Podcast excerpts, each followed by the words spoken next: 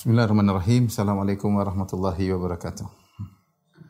Alhamdulillahi ala ihsanih wa syukru lahu ala taufiqihi wa amtinanih wa asyhadu an la ilaha illallah wahdahu la syarika lahu ta'ziman li sya'nih wa asyhadu anna Muhammadan abduhu wa rasuluh da'ila ridwani Allahumma salli alaihi wa ala alihi wa ashabihi wa ikhwani.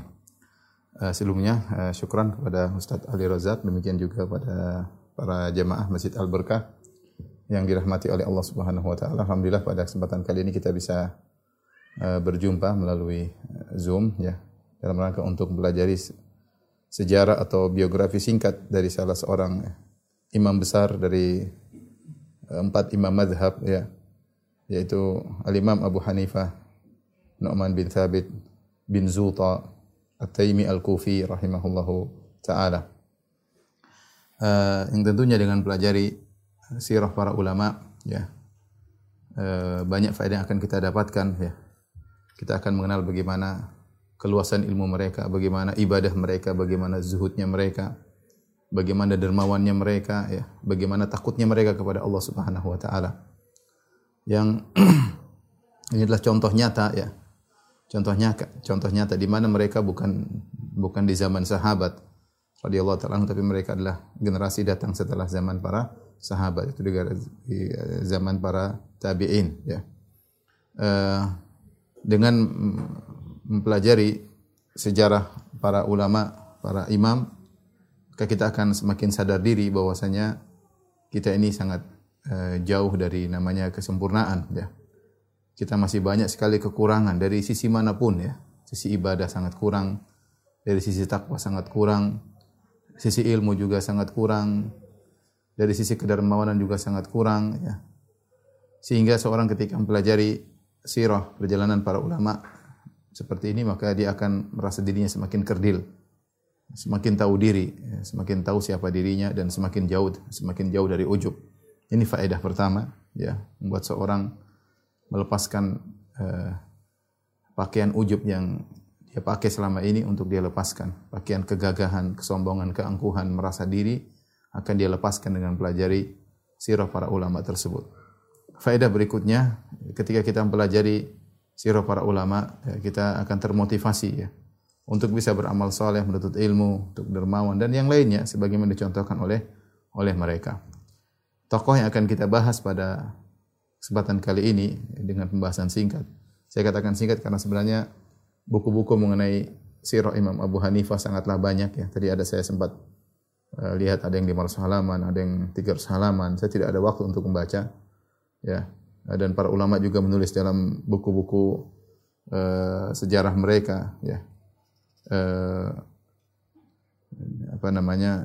Hampir seluruh buku-buku sejarah, buku-buku tarikh ya, menyebutkan tentang biografi Al-Imam Abu Hanifah rahimahullahu taala.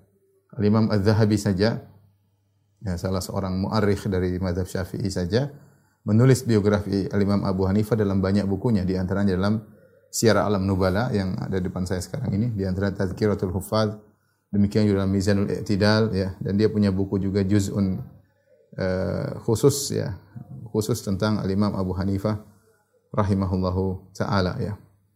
Akan tapi yang penting kita membaca sirah beliau secara singkat sebagai sebagai gambaran uh, singkat tentang sejarah kehidupan beliau Al-Imam Abu Hanifah rahimahullahu taala. Ya, eh, adapun secara detailnya maka silahkan kembali kepada buku-buku yang mutawal yang panjang lebar membahas tentang biografi Al-Imam Abu Hanifah. Taib kita akan bacakan biografi Imam Abu Hanifah. Ini pun saya ringkas dari kitab Syiar Alam Nubala uh, pada jilid ke-6 halaman 390 ya dari Taba'ah Muassasah Risalah ya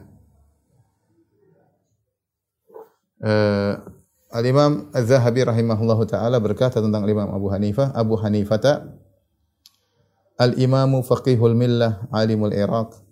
Abu Hanifah Nu'man bin Thabit bin Zuta At-Taimi Al-Kufi, maula Bani Taimillah ibni Tha'labah. Yuqalu innahu min abna'il Furs, ya. Beliau adalah imam fakihnya uh, Islam, ya. Uh, beliau adalah alimnya orang alimnya negeri Irak. Beliau adalah Abu Hanifah. Namanya Nu'man bin Thabit bin Zuta At-Taimi. Uh, adapun uh, Al-Kufi. Kenapa dikatakan At-Taimi? Ada yang mengatakan bahwasanya nenek moyang beliau dahulu adalah budak yang dimerdekakan oleh Bani Taim. Makanya uh, beliau di dikatakan At-Taimi nisbahnya kepada At-Taimi dan At-Taimi adalah Arab. Tetapi beliau adalah budak yang orang nenek moyang beliau dulu dimerdekakan oleh uh, dari Bani Taim dan beliau dari Persia. Beliau dari Persia min abna'il Furs. Pendapat yang lain mengatakan bahwasanya uh, nenek moyang beliau tidak ada yang pernah menjadi budak ya. Nenek moyang beliau tidak ada yang menjadi budak sehingga uh, hanya tidak disebahkan kepada uh, Taimi ya. Wallahu alam bisawab ya. Intinya beliau bukan orang Arab. Beliau bukan orang tapi dari Persia. Bahkan disebutkan nenek moyang beliau berasal dari Kabul yaitu dari Afghanistan. Beliau lahir pada tahun 80 Hijriah di zaman kehidupan sigaru sahabat yaitu zaman sahabat para sahabat-sahabat junior. Ada nama kibaru sahabat, sahabat-sahabat senior dan ada sahabat-sahabat junior.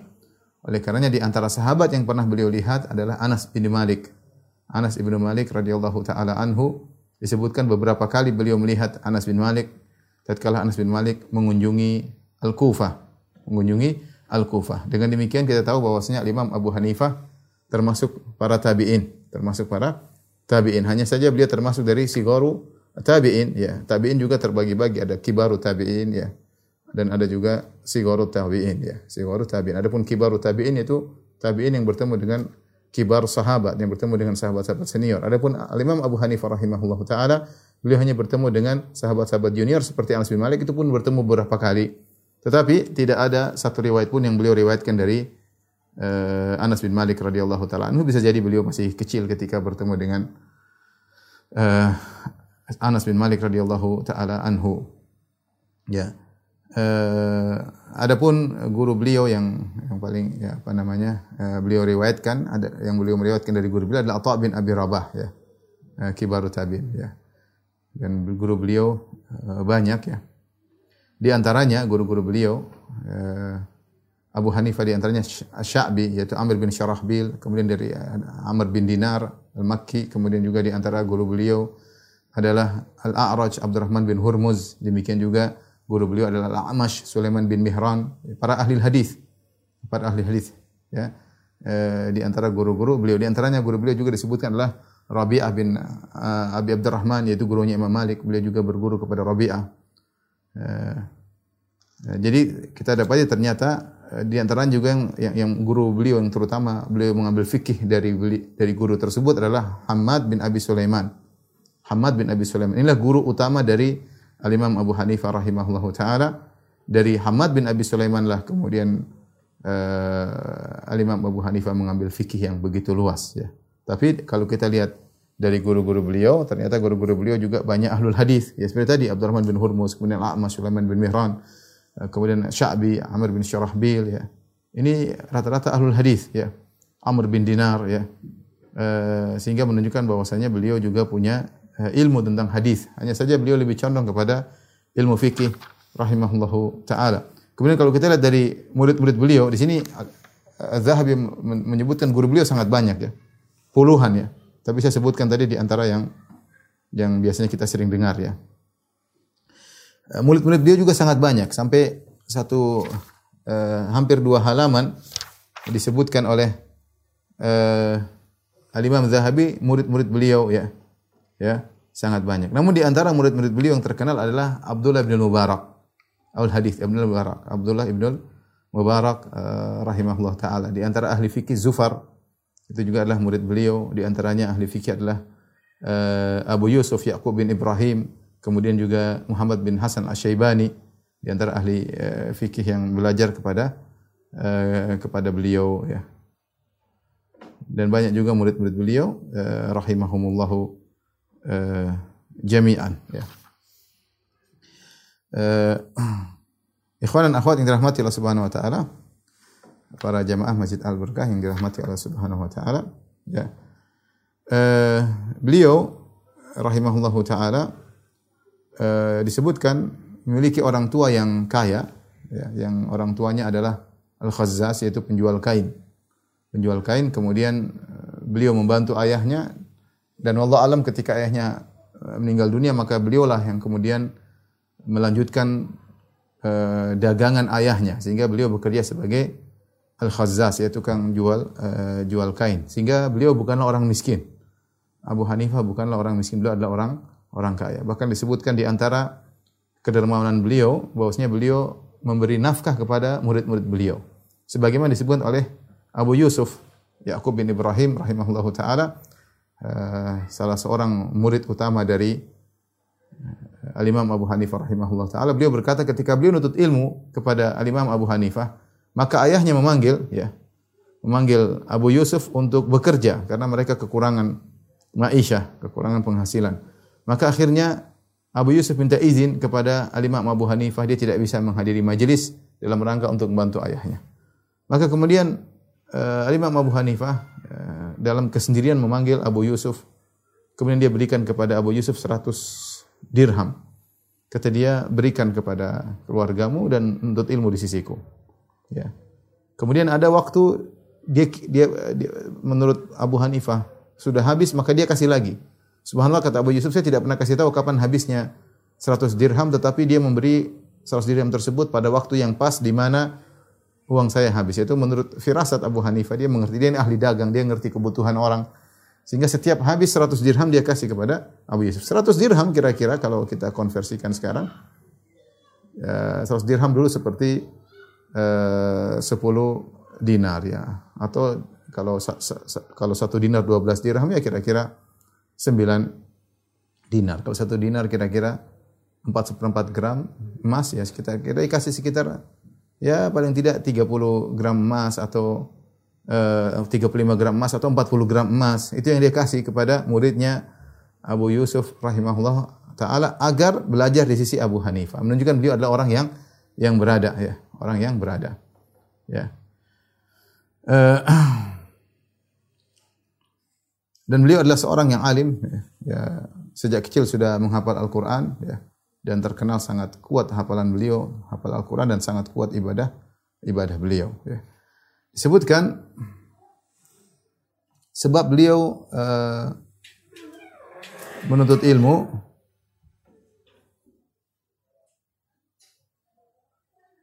sebagaimana disebutkan oleh Zufar, murid beliau, Zufar Ibn al-Hudzail dia bercerita, sami'tu Abu Hanifah yaqul.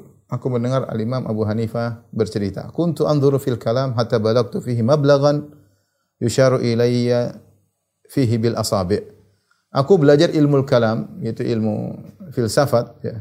Sampai aku mencapai tingkatan yang tinggi sehingga aku orang-orang apa namanya? yaitu dicari dalam masalah ini orang tahu aku orang hebat dalam ilmu kalam. Wa kunna najlis bil qurbi min halaqati Hamad bin Abi Salamah. Dan kami belajar ilmu kalam sementara di dekat kami ada halaqahnya Hamad bin Abi Sal uh, Abi Sulaiman. Hamad bin Abi Sulaiman, ya, guru beliau. Faja'atni imra'atun yauman faqalat li kemudian ada seorang wanita datang kepadaku dan berkata kepadaku, ya.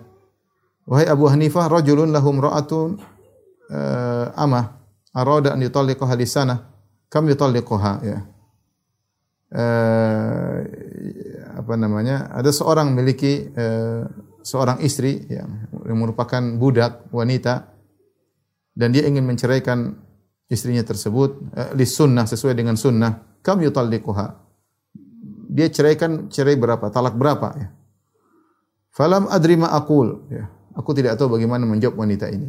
Ya, ada seorang ingin menceraikan istrinya istrinya seorang budak bagaimana menceraikan supaya dengan sesuai dengan sunnah ya, karena jangan sampai terjerumus pada tolak bid'ah, tolak tolakun bid'i. Falam adri ma aku aku tidak tahu apa yang harus aku jawab. Fa amartuha an tas'ala Hammadan. Maka aku bilang tanya kepada Hammad bin Abi Sulaiman. Eh uh, thumma thumma tarji wa eh, tukhbiruni ya. Kemudian wanita tersebut pergi eh, kembali dan mengabarkan kepadaku. Ya. Maka Eh, dia bertanya kepada Hamad bin Abi Sulaiman. Hamad Abi Sulaiman menjawab, "Yutalliquha wa hiya tahir min al-haid wal jima' tatliqah." Ya, thumma yatrukuha hatta tahid haidatain. Fa idza iktasalat faqad halat lil azwaj. Ya, kata Hamad bin Abi Sulaiman, ceraikan wanita tersebut dalam kondisi suci dari haid ya dan belum dijimai dengan talak satu. Kemudian tinggalkan wanita tersebut sampai dia haid dua kali. Karena ini budak ya. Kalau dia sudah mandi, maka dia sudah halal untuk dinikahi oleh eh, laki-laki uh, yang lain. Faraja'at fa akhbaratni, maka uh, dia pun kembali kepadaku dan mengabarkan kepadaku. Aku berkata, la hajata li fil kalam. Kalau begitu, apa fungsinya aku belajar ilmu kalam? Orang membutuhkan jawaban, aku tidak punya jawaban sama sekali, aku enggak ngerti ilmu, ya. Maka setelah itu aku berkata, aku tidak butuh dengan ilmu kalam, ilmu filsafat. Wa akhadtu na'li fajalastu ila Hammad. Maka aku pun mengambil sendalku, aku pun duduk di majelis Hammad bin Abi Sulaiman. Wa kuntu asma asma sa'ilahu fa ahfadhu qawla. Aku pun mendengar ya masalah-masalah yang disampaikan oleh Hammad dan aku menghafal jawaban-jawabannya ya. Uh, kemudian uh, beliau mengulang lagi besok hari aku pun apa namanya menghafal menghafalkan jawaban-jawaban beliau ya. Uh, sampai akhirnya Abu Hanifah terkenal murid Hamad bin Abi Sulaiman yang yang paling cerdas. Ya, sementara murid-murid yang lain ya wa yukhti ashabuhu murid-muridnya yang lain sering keliru, mungkin kurang hafal, kurang paham ya. Sampai akhirnya Hamad bin Abi Sulaiman berkata, "La yajlusu fi sadril halaqah bihidai ghairu Abu Hanifah." Tidak ada yang boleh duduk depanku persis ya di depan halaqah kecuali Abu Hanifah. Fa sahibtuhu asyara sinin. Aku pun uh, bermajlis dengan Hamad bin Abi Sulaiman selama 10 tahun. Ya, belajar, nuntut ilmu 10 tahun bukan waktu yang sebentar. Duduk di majelis mendengarkan, menghafal, mendengarkan, menghafal. Bagaimana semangat para ulama untuk menuntut ilmu.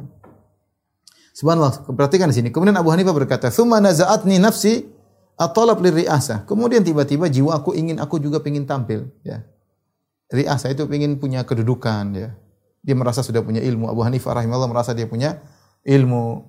Fa ahbabtu an a'tazilahu wa ajlis fi halaqatin li nafsi. Maka aku ingin aku tinggalkan guruku dan aku buka majelis sendiri.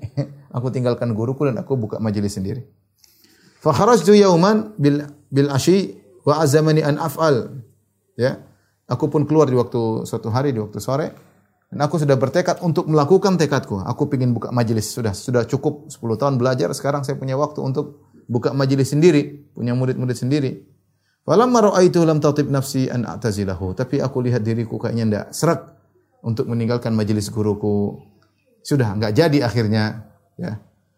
Tiba-tiba di malam itu datang kabar ya, bahwasanya ada kerabat gurunya di Basrah meninggal dunia. Kerabat Hamad bin Abi Sulaiman meninggal di Basrah dan dia eh, kerabatnya tersebut meninggalkan harta ya. Dan tidak ada ahli warisnya kecuali Hamad bin Abi Sulaiman walaysa waris illa ghairuhu ya. Maka uh, Hamad bin Abi Sulaiman ingin bersafar ke Basrah dari Kufah pergi ke Basrah untuk mengambil warisannya.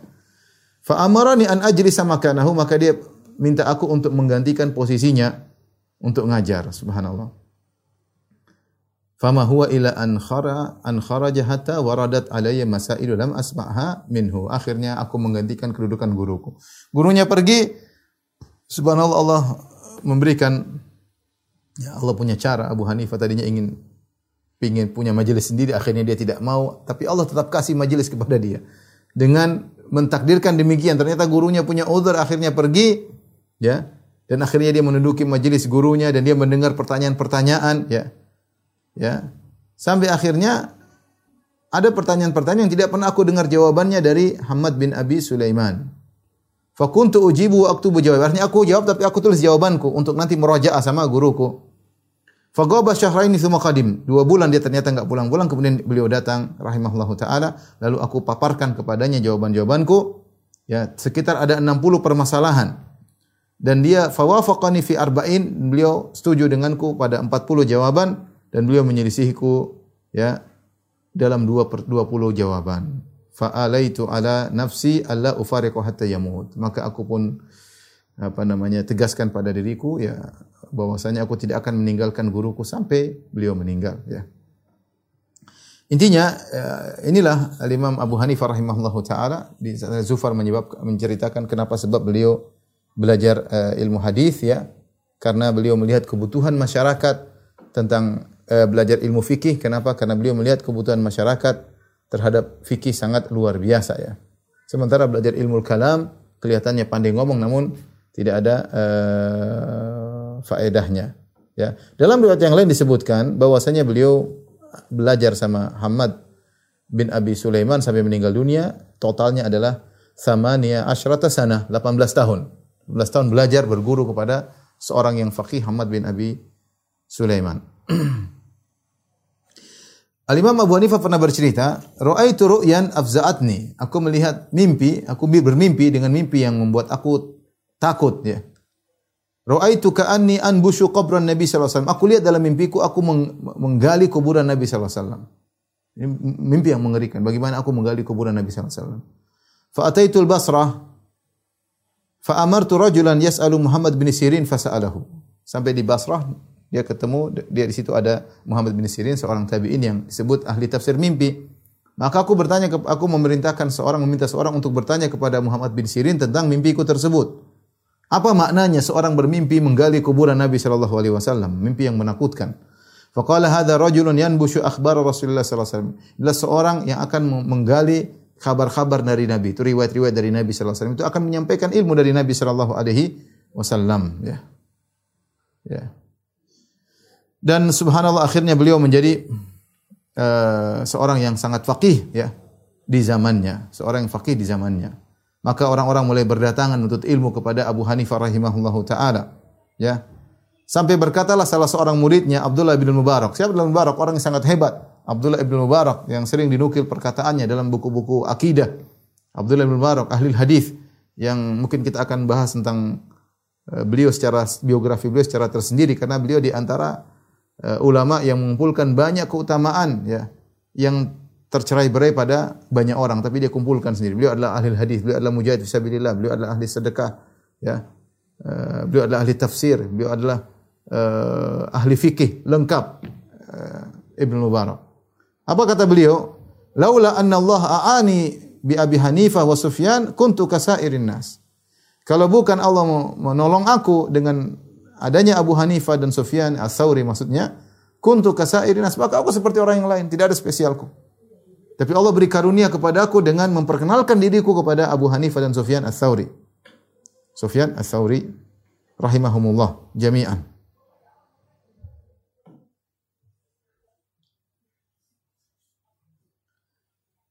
Uh, Bagaimana bagaimana majelis Abu Hanifah disebutkan saya akan bacakan tentang majelis Imam Abu Hanifah. Imam Abu Hanifah rahimahullah taala beliau punya cara majelis tersendiri ya. E,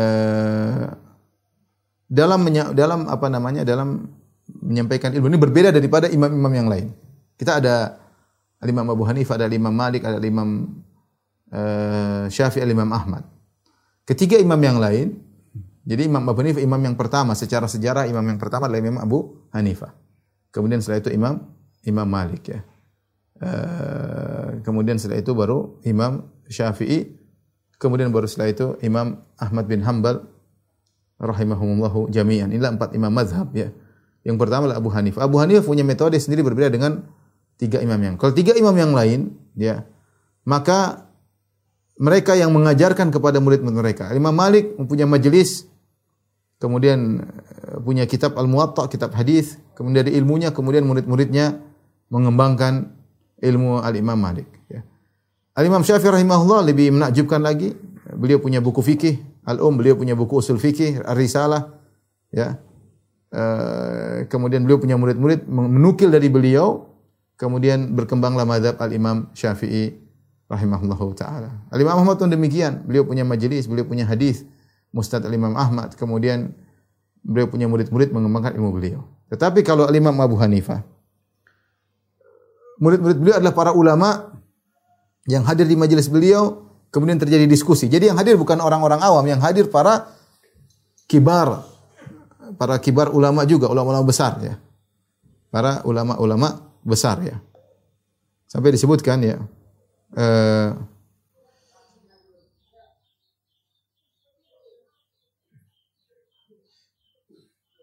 disebutkan bahwasanya Imam Abu Hanifah rahimahullah muridnya yang hadir dalam majelis beliau adalah 36 orang. 36 ulama yang hadir dalam majelis beliau. Minhum thamaniya wa ishrun yasluhuna lil qadha. Ada 28 orang yang setiap orang pantas untuk jadi qadhi. Namanya qadhi itu berarti pakar seluruh ilmu agama. Menjadi qadhi berarti pakar seluruhnya. Mau tanya apa pun bisa. Mau tanya ilmu waris, mau tanya ilmu fikih, mau toharah, mau apa pun masalah agama bisa dijawab. Namanya qadhi. 28 di antaranya semuanya pantas untuk jadi qadhi. Kemudian wasittatun yasluhuna lil fatwa. Dan enam orang pantas untuk menjadi mufti. Ya. Dan dua orang di antaranya Abu Yusuf dan Zufar yasluhani li ta'dibil qudat warbabil fatwa. Yang dua orang ini yang paling hebat pantas untuk mendidik para qadhi dan mendidik para mufti. di atas qadhi dan mufti ya. Yaitu Yusuf Abu Yusuf dan Zufar. Jadi yang hadir di majelis beliau adalah orang-orang hebat ya. Makanya disebutkan ketika ada yang mengkritiki Imam Abu Hanifah di depan Waqi' bin Jarrah. Siapa Waqi' bin Jarrah? Waqi' bin Jarrah salah seorang dari guru Imam Syafi'i rahimahullah taala dan salah seorang uh, guru dari Imam Al-Bukhari rahimahullah taala. Ya, uh, uh, ada orang berkata di sisi Waqi' bin Jarrah Ar-Ru'asi. Ada yang berkata, "Akhta Abu Hanifah." Abu Hanifah salah. Salah. Maka Waqi' berkata, "Wa kaifa ya uh, yuqaddir Abu Hanifah an yukhti. Bagaimana bisa diperkirakan Abu Hanifah salah dalam permasalahan ini? Wa ma'ahu sementara yang hadir dalam majelisnya ada mithlu Abi Yusuf kata Waqi'. Yang hadir dalam majlis Abu Hanifah ada Abu Yusuf. Ada Muhammad bin Hasan Asy-Syaibani. Muhammad bin Hasan gurunya Imam Syafi'i. Ada Zufar fi qiyasi mujtihadihim yang mereka ahli qiyas ahli ijtihad.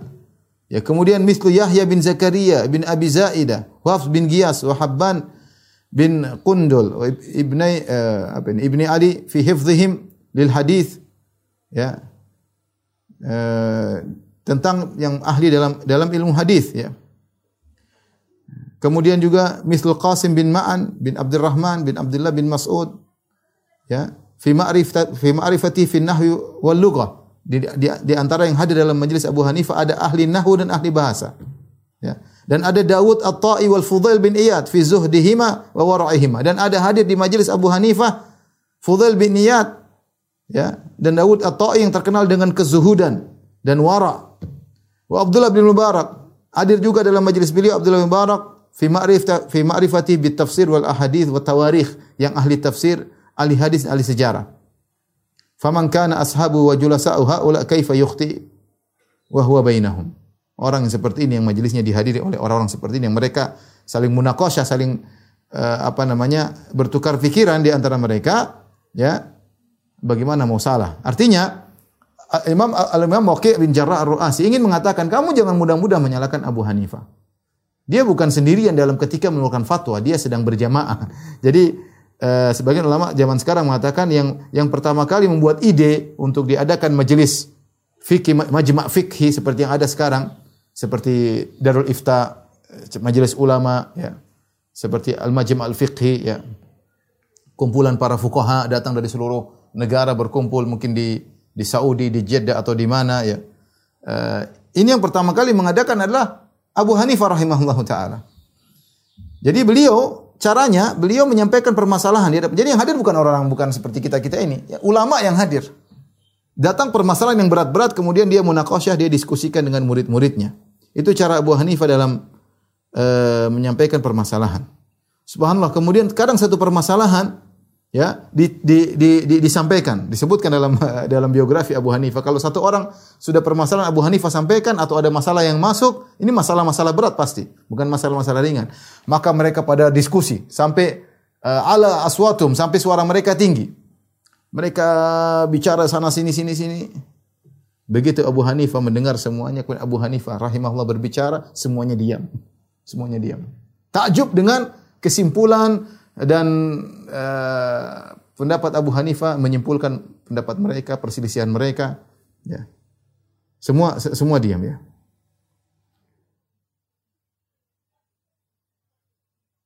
Jadi kalau mereka lagi ngomong Abu Hanifah diam ya.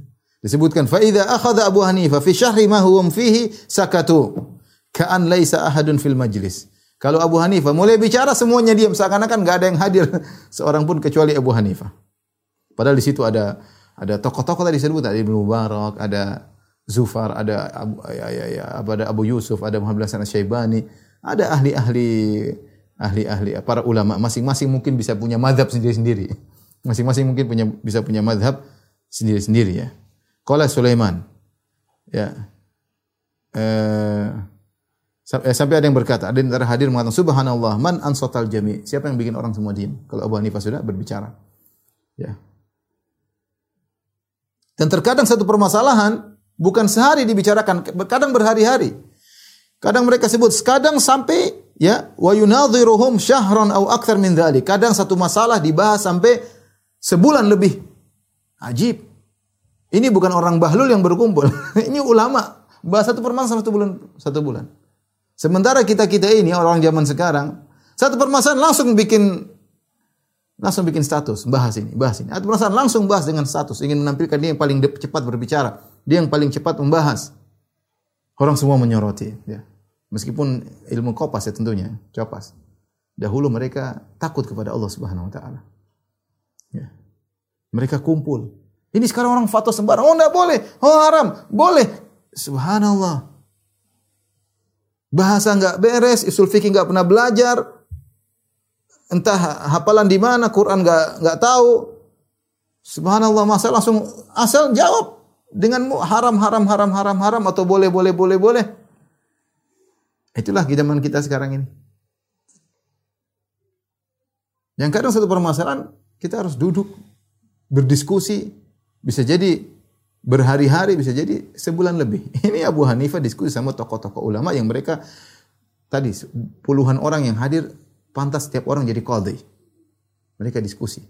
Dan ini menunjukkan bagaimana mereka adab dalam dalam diskusi. Mereka tidak bertengkar, bukan sekali bertemu kemudian buyar. bertemu, mereka berjalan menuntut ilmunya seperti itu. Bertahun-tahun seperti itu. Berarti apa? Dada lapang. Mudah mendengar pendapat yang lain. Uh, mudah mengkritiki dan mudah dikritiki. Enggak ada masalah. Enggak ada, enggak ada masalah.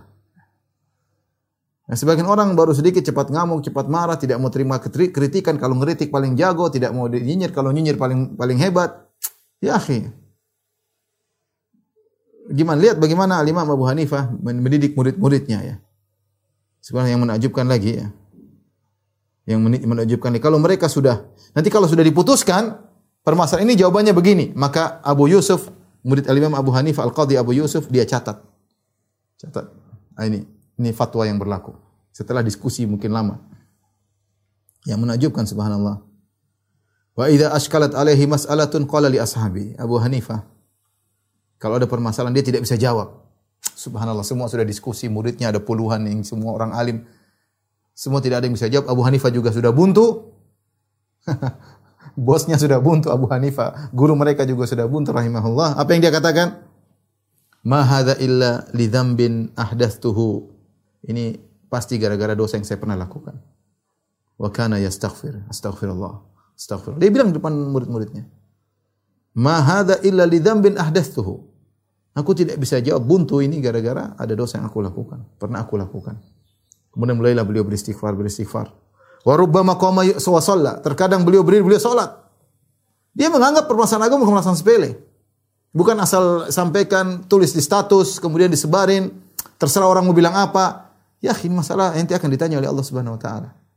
Anta anta muwaqqi an, an rabbil alamin.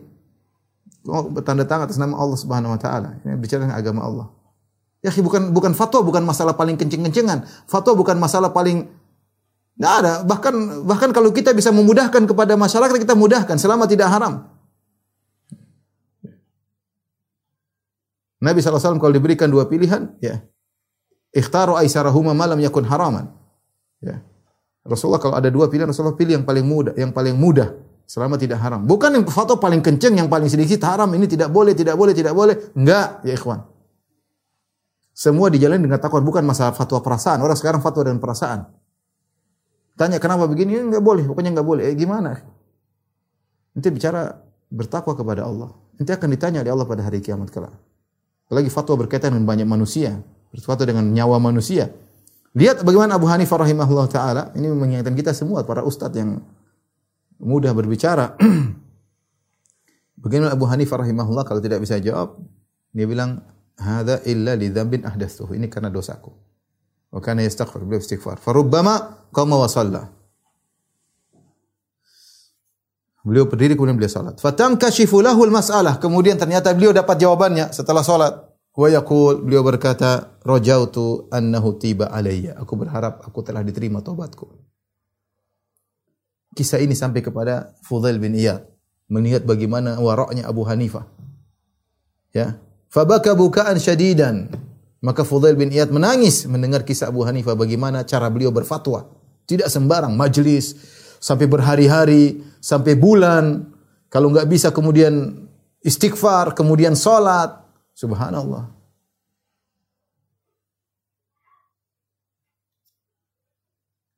Fudail bin Iyad ketika mendengar kisah ini beliau menangis beliau berkata dzalika likillati dzambihi itu karena sedikit dosanya Abu Hanifah. Amma ghairuhu fala yantabih li hadza. Adapun yang lainnya orang lain tidak perhatian dengan masalah seperti ini ya.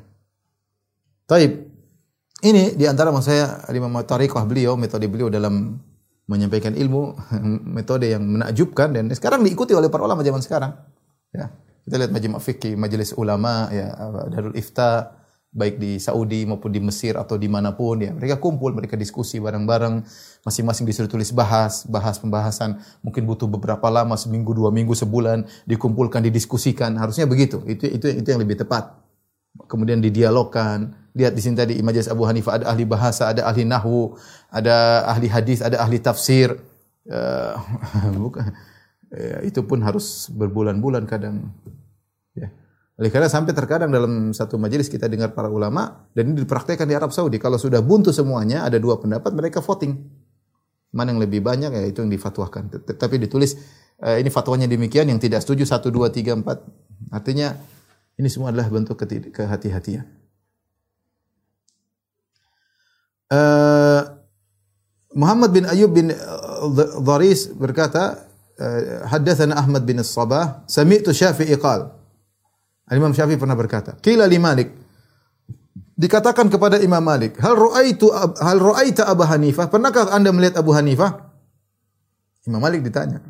Imam Malik gurunya Imam Syafi'i. Imam dari hijrah imamnya kota Madinah. Subhanallah. Orang alim. Malik bin Anas. Maka ditanya kepada Imam Malik, "Hal ra'aita Abu Hanifah? Pernahkah Anda melihat Abu Hanifah?" Karena Abu Hanifah lebih tua dari beliau. Qala na'am, kata Imam Malik, "Iya, saya pernah lihat. Ra'aitu rajulan law kallamaka fi hadhihi sariyah an yaj'alaha dhahaban laqama bi hujjatihi." Aku bertemu dengan seorang, ya, saking cerdasnya. Kalau dia bilang kepada engkau, ini ini tiang adalah emas, Dia akan bisa meyakinkan engkau bahwa tiang ini adalah emas. Dia akan datangkan dalil-dalilnya bahwasanya tiang kayu ini adalah emas. Artinya ini perkataan Imam Malik bukan berkata orang bodoh. Kalau orang bodoh bilang itu pernah ketemu ustaz, ustaz itu pintar banget. Ya kalau yang ngomong orang bodoh ya kita bilang wajar. Tapi kalau yang ngomong misalnya orang alim terus memuji orang lain mengatakan itu orang alim banget, eh berarti benar super alim. Karena yang muji adalah orang alim, tapi kalau yang muji orang bahlul banyak zaman sekarang ini. Oh itu Ustaz pintar sekali. Oh itu hafalannya banyak. Eh orang-orang bodoh nggak ngerti mau diapain. Kemudian tersebar pujian-pujian tersebut di internet. Ya biasalah. Karena nggak ngerti. Tapi ini ceritanya yang muji Imam Abu Hanifah, Imam Malik. Bukan orang bodoh, orang alim, orang takwa. Dia mengatakan, Ra'aitu raujulan law kallamaka fi hadhihi sariyah an yaj'alaha dhahaban laqama bi hujjatihi. Aku bertemu dengan seorang saking cerdasnya kalau dia bilang engkau kepada engkau ini tiang dari kayu atau tiang dari batu ini adalah emas, dia akan bisa meyakinkan engkau, dia akan datangkan dengan dalil-dalilnya bahwa ini adalah emas. Subhanallah Abu Hanifah dari sini kita tahu bagaimana ketakwaannya, ya. Ketakwaannya, ya, takutnya kepada Allah, waraknya, ya, sedekahnya, ya. Dan beliau termasuk orang yang tidak mau menerima pemberian dari penguasa. Dalam, dalam sebagian wasiat beliau, kalau beliau tidak mau terima dari penguasa. Beliau alhamdulillah orang berada. Ya. ya. Beliau tidak menasihat untuk dekat dengan penguasa ya. Kalau dipanggil oleh penguasa maka beliau bilang datangi suka keperluan. Ya, intinya uh, beliau orang yang warak. Uh, dari Asad bin Amr, anna Abu Hanifah rahimahullah sallal isya wa subh bi wudu'in arba'ina sana. Dia mengatakan Abu Hanifah Salat Isya dengan subuh dengan sekali wudu. Selama 40 tahun. Dengan wudunya Isya maksudnya dia salat sampai salat subuh, satu wudu. Saya kadang pertama baca ini saya kok begini sampai lama puluhan tahun seperti ini. Apa benar? Ya. Apa benar?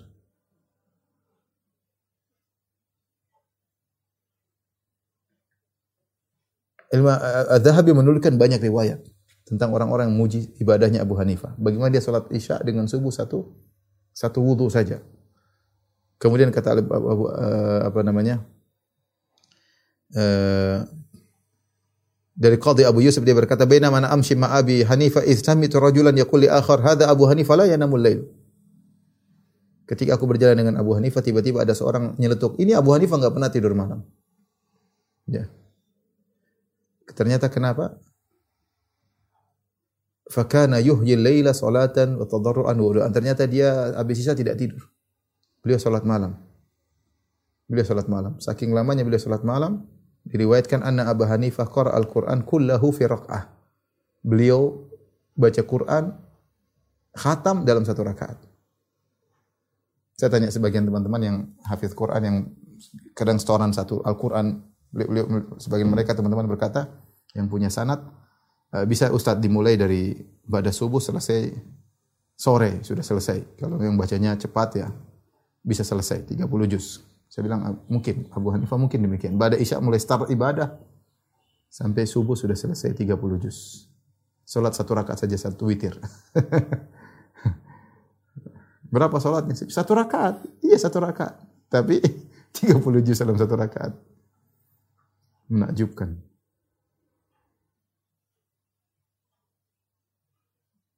Jadi di antara keistimewaan Abu Hanifah ya sangat kuat beribadah. Bahkan diriwayatkan dari banyak wajah dari banyak riwayat bahwasanya beliau uh, bis terkadang beliau khatam Quran dalam satu rakaat terkadang. Tidak selalu. Artinya beliau sudah pada isya beliau ibadah sampai subuh dan sering dengan satu wudhu untuk sholat isya dan juga uh, sholat subuh.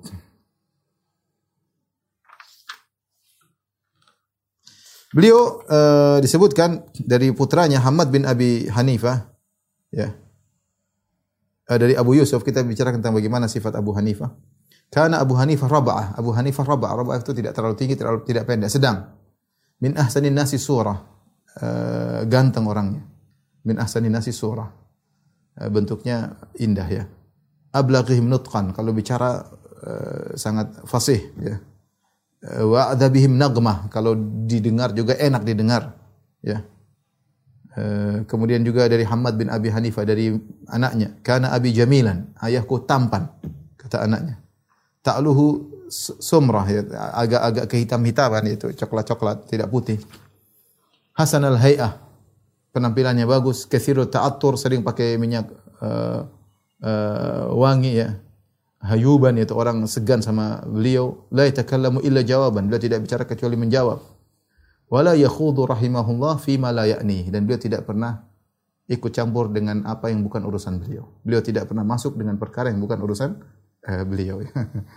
ini yang bikin orang apa namanya hemat umur ya tadi. Kalau tidak ikut campur urusan orang, ini ciri ciri al-Imam Abu Hanifah rahimahullah taala. Makanya saya pernah sampaikan kisah saya baca di di salah satu medsos ya disebutkan ada seorang uh, dia sering minum kopi, minum kahwa kahwa Arab. Sampai banyak minum kahwa, minum kopi banyak banyak banyak. Akhirnya ada orang penasaran tanya sama dia. Saya lihat antum banyak sekali minum kahwa Arabia ya. Kahwa Arabia itu warna coklat.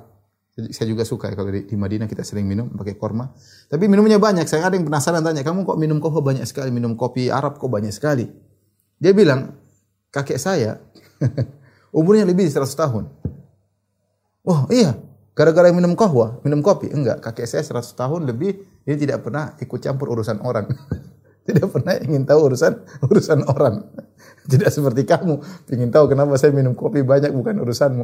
Jadi kalau Anda ingin menghemat waktu, menghemat umur, jangan suka campur urusan orang. Ya orang kalau enggak usah enggak usah tahu urusan orang ya.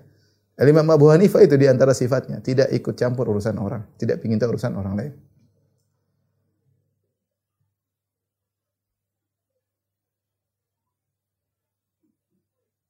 Di antara kedermawanan beliau, ya, Karena uh, Abu Hanifah telah mewajibkan dirinya in halafa billahi sadiqan. Kalau dia bersumpah dia bilang demi Allah an yatasaddaqa bidinar. Setiap dia bersumpah dia tidak gampang bersumpah. Tapi kalau dia bilang demi Allah, dia pasti sedekah satu dinar. Sumpah yang sumpah yang jujur lah. Setiap dia bersumpah dia kasih satu dinar. Dia tidak enggak menggampangkan sumpah. Wa kana idza anfaqa ala iyalihi nafaqatan tasaddaqa. Kalau dia berinfak untuk keluarganya sekian, dia juga berinfak untuk yang lain sekian. Jadi kalau dia untuk keluarga misalnya sebulan 2 juta, dia 2 juta juga dia infak di luar. Menakjubkan kuatnya keyakinan beliau sedekah yang sangat luar biasa. Ya kita kan nggak begitu. Kita buat keluarga mungkin 2 juta, buat di luar 100 ribu ya. ya sebagian kita, bukan kita. Sebagian kita Masya Allah ya.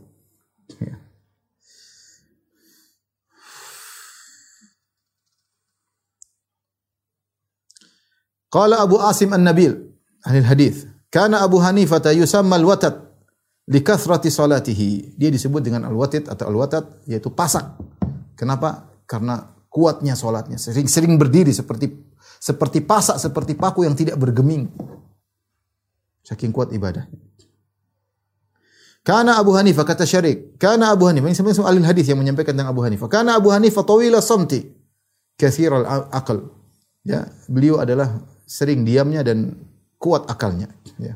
Bukan banyak omong tapi akalnya rendah. Al-Qadhi dari Al-Qadhi Abi Yusuf muridnya, karena Abu Hanifah yakhtimul Quran kula lailah fi raka'ah. Abu Hanifah menghatamkan Quran dalam satu malam satu rakaat. Ya.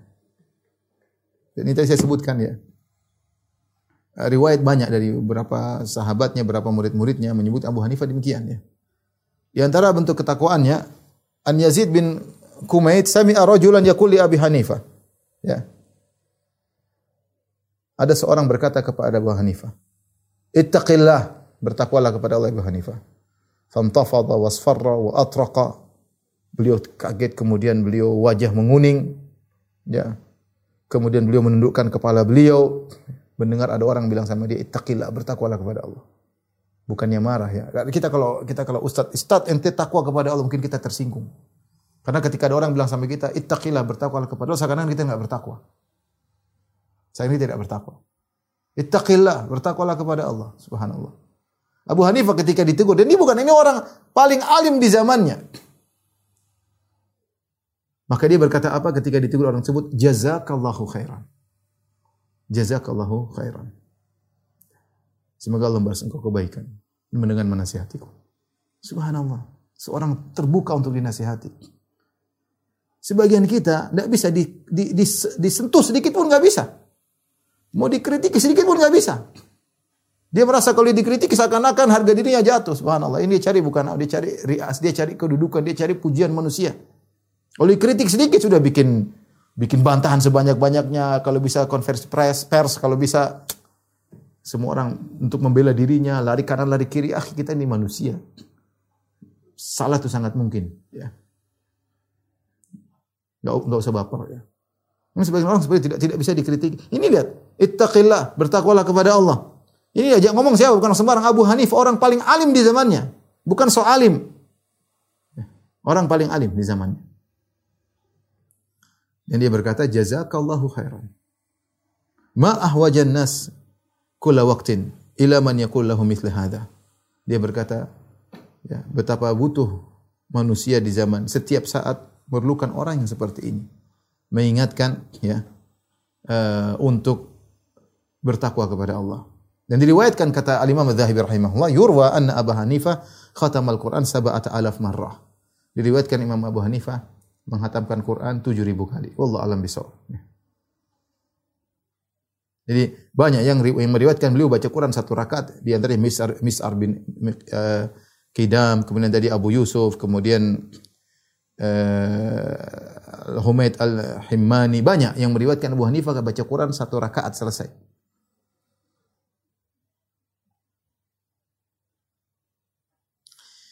Dan di antara biografi Abu Hanifah, beliau tawadhu ya, kepada ibunya ya. Disebutkan di, di, di zaman ke ibunya, dia sangat berbakti sama ibunya.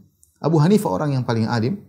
Dia punya ibu senang dengan uh, dengan seorang ya tukang ceramah di masjid ya. Tukang ceramah di masjid. Ada permasalahan yang ibunya ingin tanyakan, Abu Hanifah sudah kasih fatwa, ya. Tapi uh, ibunya tidak mau. Kata ibunya, ya Abu Hanifah, saya ingin dengar dari si Fulan yang di masjid. Si Fulan tersebut hanya pandai ceramah ya. Ada orang pandai ceramah tapi bukan orang alim. Tapi Abu Hanifah dengan tawadhunya tidak mengatakan, "Mak, itu siapa sih mak dibandingkan saya? Murid saya nih, jelas. Ini murid saya lihat nih, ini. Kodi-kodi semua murid saya ini orang alim ini pakar bahasa, ini pakar ini semua belajar sama saya. Mama ngapain tanya sama orang itu? Abu Hanifah nggak begitu. Dia ajak ibunya. Ya udah kalau mama mau tanya sama dia, dia ajak. Ajak ketemu dengan orang tersebut. Subhanallah. Dia dengan tawadhu. Ya seperti dikatakan bahwasanya azhadun nas fil alim ahluhu orang yang paling tidak menghargai seorang alim biasanya kerabatnya sendiri, keluarga sendiri. Ada seorang alim mungkin dia alim tapi dihargai dihormati sama orang ternyata anaknya kurang menghargai, ibunya kurang menghargai, kakaknya kurang menghargai, adiknya kurang menghargai. Abu Hanifah ibunya kurang mengerti siapa dia ya. Tapi ketika ibunya minta jawaban dari orang diantar. Diantar. Kemudian dia bilang kepada si fulan, "Si fulan, ibu saya punya pertanyaan." Ya engkau yang kasih fatwa lah Abu Hanifah. Bagaimana saya memfatwa engkau ada?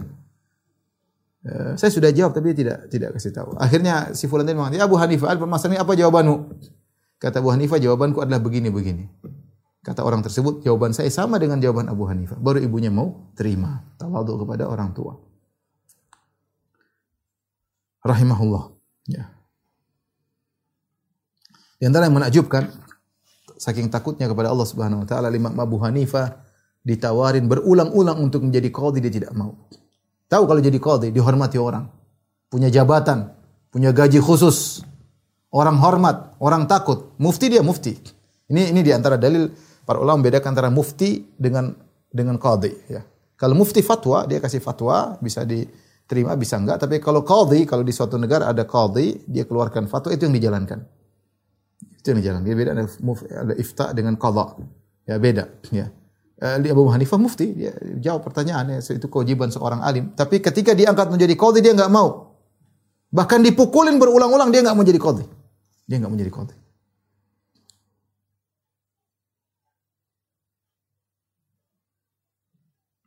Sampai akhirnya dia meninggal gara-gara permasalahan ini. Tidak menjadi qadhi. Al-Mansur meminta Abu Hanifah untuk jadi qadhi. Dan Al-Mansur bersumpah, demi Allah dia dia dia dia khalifah. Atau amir ya. Penguasa Al-Mansur. Dia berkata demi Allah hendaknya Abu Hanifah menjadi qadhi. Dia sudah bersumpah. Abu Hanifah juga bersumpah. Wallahi inilah af'al. Demi Allah aku tidak akan jadi qadhi. Maka ada yang menegurnya. Dia mengatakan wahai Abu Hanifah Amirul Mukminin yahlif wahai Abu Hanifah khalifah Amirul Mukminin sudah bersumpah. Agar kau menjadi qadhi wa anta tahlif engkau sekarang bersumpah. Kata Abu Hanifah Amirul Mukminin ala kafarati yamini aqdar minni. Gampang Amirul Mukminin kalau mau bayar kafarah gampang. Dia lebih mampu bayar kafarah daripada saya. Akhirnya diperintahkan untuk dipenjara. Famata fihi bi Baghdad. Gara-gara ini dia meninggal dunia. Tidak sebagian orang bangga jadi memiliki jabatan berbicara tentang fatwa subhanallah. Jadi qadhi jadi pejabat Abu Hanifah tidak demikian ya. Ya. Beliau takut bahkan beliau meninggal gara-gara hal hal tersebut.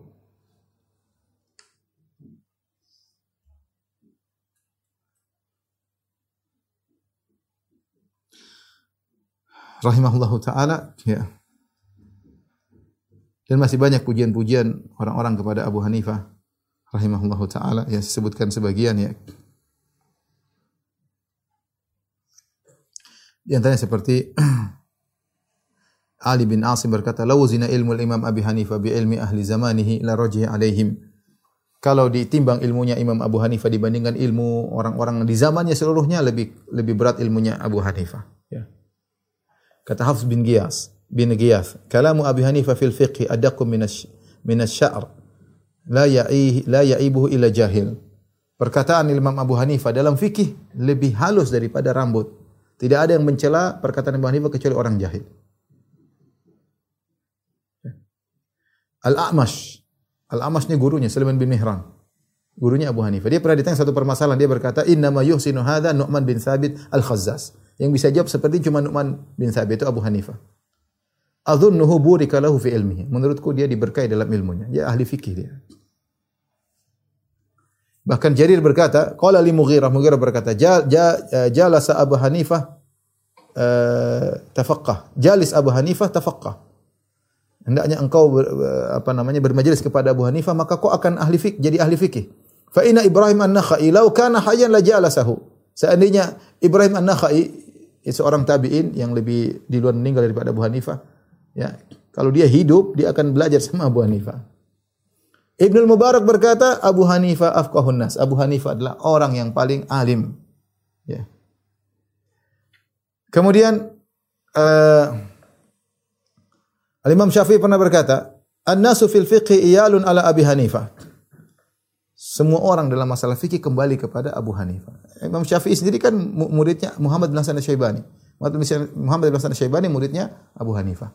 Jadi Abu Hanifah punya murid namanya Muhammad bin Hasan Syaibani. Muhammad bin Hasan Syaibani punya murid namanya Asy-Syafi'i rahimahullahu taala. Ya, beliau wafat pada tahun 150 Hijriah dengan usia eh, uh, 70 tahun. Tadi lahir tahun 80 Hijriah, wafat 150 berarti 70 uh, tahun ya. Inilah uh, Imam Abu Hanifah rahimahullahu taala biografi uh, uh, singkat beliau ya. Semoga bermanfaat bagi kita dan bagi para pendengar uh, sekalian menjadi teladan bagi kita semua. Karenanya saking hebatnya Abu Hanifah muncullah orang-orang yang fanatik kepada beliau. Ya wajar kita mendapati orang yang fakih seperti ini terkumpul kepada dia. Ya, saya bayangkan kalau Imam Abu Hanifah hidup di zaman kita, dermawan, ganteng, kemudian harum orangnya, wangi, banyak diamnya, kalau ngomong cerdas banget, muridnya banyak ya. Takwanya luar biasa. Khatam Quran setiap malam satu rakaat. Kira-kira mungkin orang bilang dia nabi saking saking apa uh, saking mengagungkannya. Dia orang orang taklid sama dia wajar. Meskipun itu dilarang oleh Abu Hanifah. Abu Hanifah pernah negur muridnya Abu Yusuf. Ya Abu Yusuf, ya ya ya Abu Yusuf, hai Yakub, jangan kau catat semua yang aku katakan.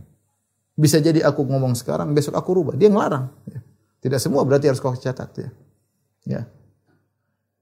Uh, yang saya anehkan di zaman sekarang, ada orang yang yang artinya ya mungkin dai atau ustadz atau apa ilmunya tidak ada apa-apanya dibandingkan dengan Abu Hanifah ya. Kemudian taklid kepada dai tersebut itu saya aneh banget ya. Saya aneh banget. Yang ustadz tersebut ya mau dibilang menguasai ilmu juga enggak ya, tapi orang taklid sama sama dia. Kalau orang taklid sama Abu Hanifah saja kita tidak setuju. Ada orang taklid sama Syafi'i, sama Malik, sama Ahmad bin Hanbal rahimahumullah, kita tidak setuju. Ada orang taklid buta kepada Abu Bakar, kita tidak setuju. Apalagi dengan orang-orang zaman zaman sekarang. Maka seorang hendaknya berpikir cerdas ya. Berpikir cerdas. Dari sini kita tahu bahwasanya Imam Imam Mazhab itu seorang orang hebat. Bukan hanya mengumpulkan ilmu tapi dengan ketakwaan. Maka kita dalam belajar fikih kita lihat pendapat mereka.